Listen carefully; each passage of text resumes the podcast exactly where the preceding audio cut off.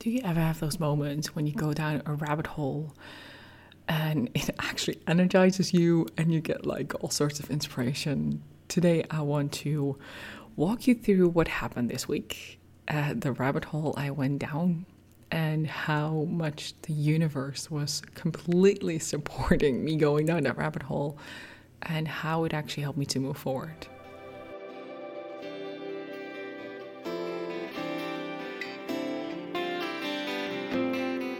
This week is a week of very extremes where we're feeling the energy of Aries, the drive, the push forward.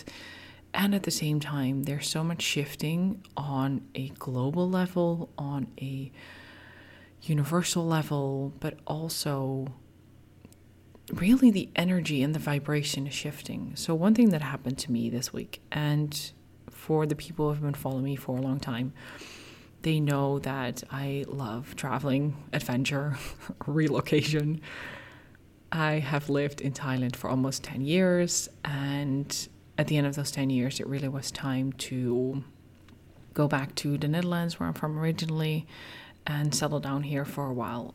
When we moved, the first thing I said was, I have no idea how long we're going to stay in Holland. Maybe it will be forever, and maybe it won't be by the way, the wind is crazy today, so you might hear some noises in the background because I cannot filter all of that out.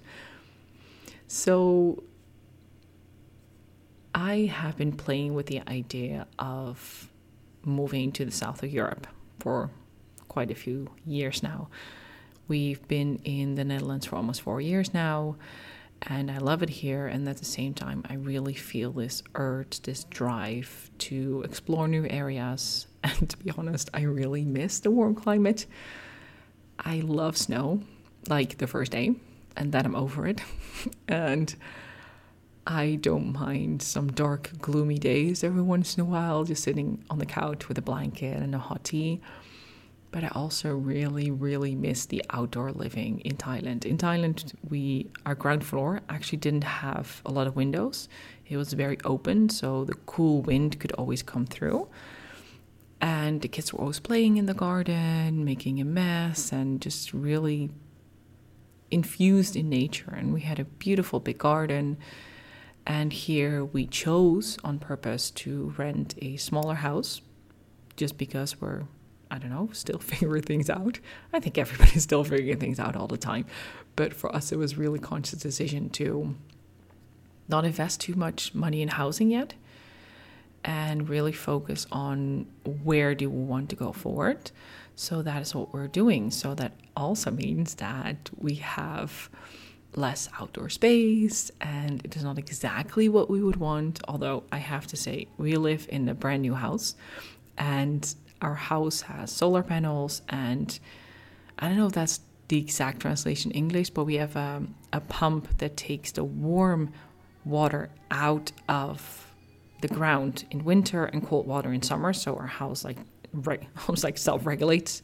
So we actually get money back from our energy bill because our house is so well built that we actually don't spend money on electricity. We actually make money on our house.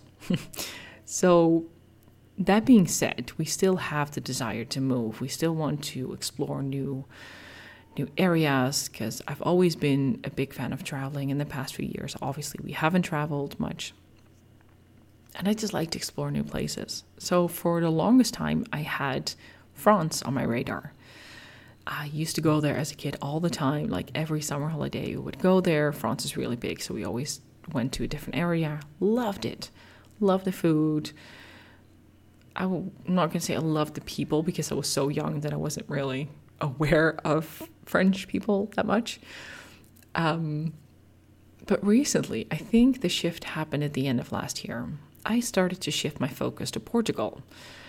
And the moment I did that, something really miraculously happened. So many people came on my path that have a connection with Portugal. I met Portuguese people.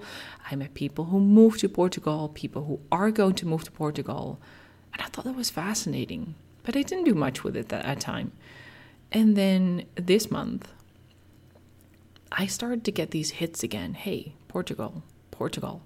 So, what I did on Tuesday, I said to my friend, I'm just going to Google some things on, or, or, look something up on YouTube and, and see the homesteads and people that are already living there.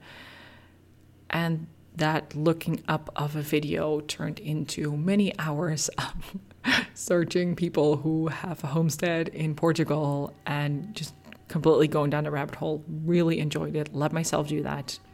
I do have to say at the end, I felt a little bit guilty because Tuesdays are the day where I have full day of childcare. So that's usually my day where I do a lot of things. And at the end of the day, I was like, oh my goodness, I didn't finish what I set out to do. And at the same time, I knew that this was really essential for me to get some more clarity. So I posted on Facebook. I said that I went down a rabbit hole of looking at homesteads on YouTube.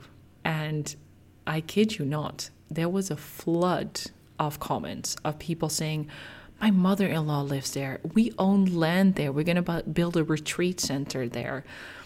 It was like so many people had connections or wanting me to put them in contact with other people. And I told that to my husband, and my husband is still, well, he's he's a double Gemini, so he thinks a lot.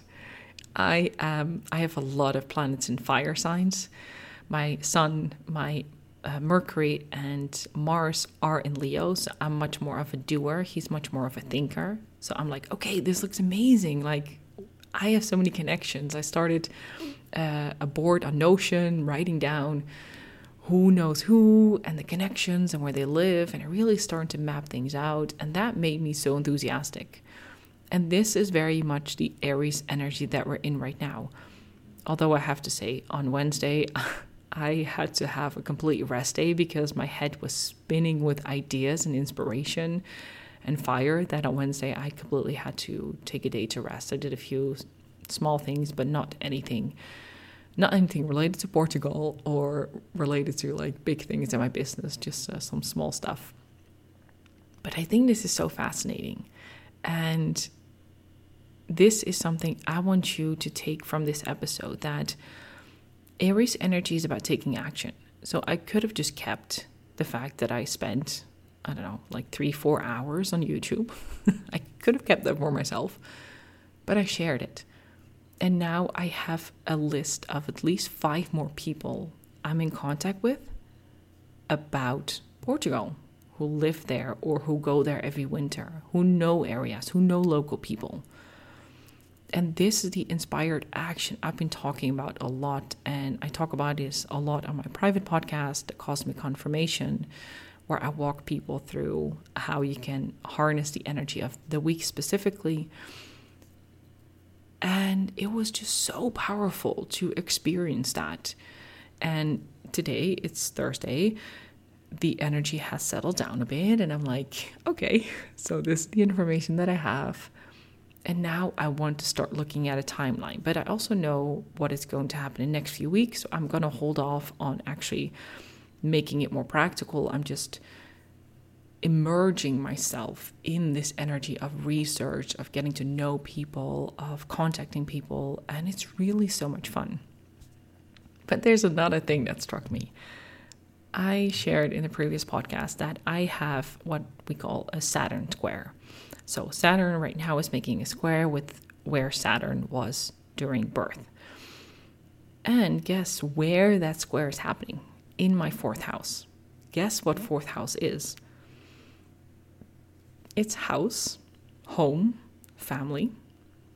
Guess what happened 29 years ago when Saturn was transit- transiting through the same house? We moved house. My parents moved to a different house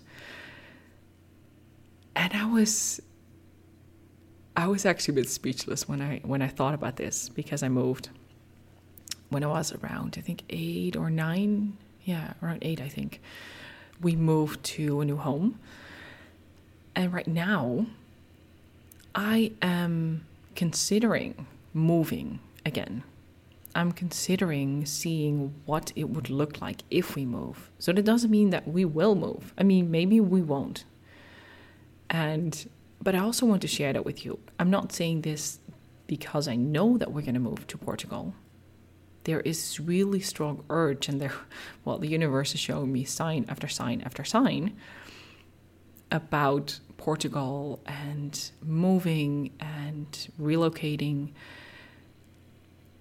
but I'm not focusing on it has to happen. Right now, I'm still basking in this energy of inspiration, of exploration. And because I know that this is happening in my fourth house, it actually helps me to feel more grounded. That this is not something that happens on a whim where I just feel the urge, or maybe I am inspired by the people who I see moving to Portugal or planning to do so. But this is initiated from within. And I can see that this started, I think, when we moved into this house, which was about three years ago. I think that's when it started to develop. And also, if I look around at this house, I actually graduated as an interior architect. And if I look around the house, it's cozy but I also see that we haven't done a lot to make it really cozy. Like it's livable and it's cute and we like it. And at the same time, I know that if I really put my skills to use, it will look very different. And that made me realize that we've never truly put our roots down here, specifically in the house. I mean, I do believe that we put our roots down here in the Netherlands, but the house, not so much. So, what I'm also shifting right now is making sure that our house is as cozy as I want it to be. So, instead of looking at, but maybe we will move to Portugal, honestly, that can maybe take another two years because my husband, who is from Thailand, has a visa right now uh, that will end in two years. And we're not quite sure how we can extend that. So it might be that we have to stay here until we can renew his visa. And make it into a more permanent one so that we can move around in Europe easier. I mean, we could relocate to Portugal right now, but once his visa expires in two years, we don't know what to do in Portugal. So it might be that it takes another two years. So I want to appreciate, and this is also the law of attraction, appreciate where you are right now. So instead of me just only focusing on Portugal, Portugal, Portugal, because maybe it even won't be Portugal. Maybe it will be another country. Maybe it will be Spain or maybe it will be Italy. Who knows? But I also realize I want to make sure that our house is really a house we we have everything we need and it's cozy and it's comfortable, which is also fourth house energy. Making because even if you're listening now you think, whoa, I also have Saturn going through my fourth house, that doesn't mean you have to move. It means that you are examining, hey, where do I live now? And and is it living up to my standards? Is there something I can change? So right now we're what we're going to do is make our house even cozier. And I will keep exploring Portugal. My husband, like I said, he's not on the fence. He loves to move. Like he would he would go there in a heartbeat. We had a huge, huge vegetable garden in Thailand where he would always, during the day, do his thing. My husband had a volunteer organization, so the volunteers would be away during the day, but in the uh, during so during the day he actually had time to work in the vegetable garden. I'm going to wrap this up because I hear my little one crying upstairs. So this is so powerful if you bring all of these things together. So, and the inspired action, sharing about it, talking to people about it, looking at your natal chart and understanding, hey, this is a topic that is present for me right now, and how can I explore this? If this is something that you want to do and you're curious about, hey, where is Saturn in my chart? What is showing up? In the show notes, I have a link. You can book a connection call with me. Let's connect. Let's see what is happening in your business, in your life, and how astrology can teach you on a deeper level what is going on and what next steps would be the most effortless for you. So I can't wait to connect with you.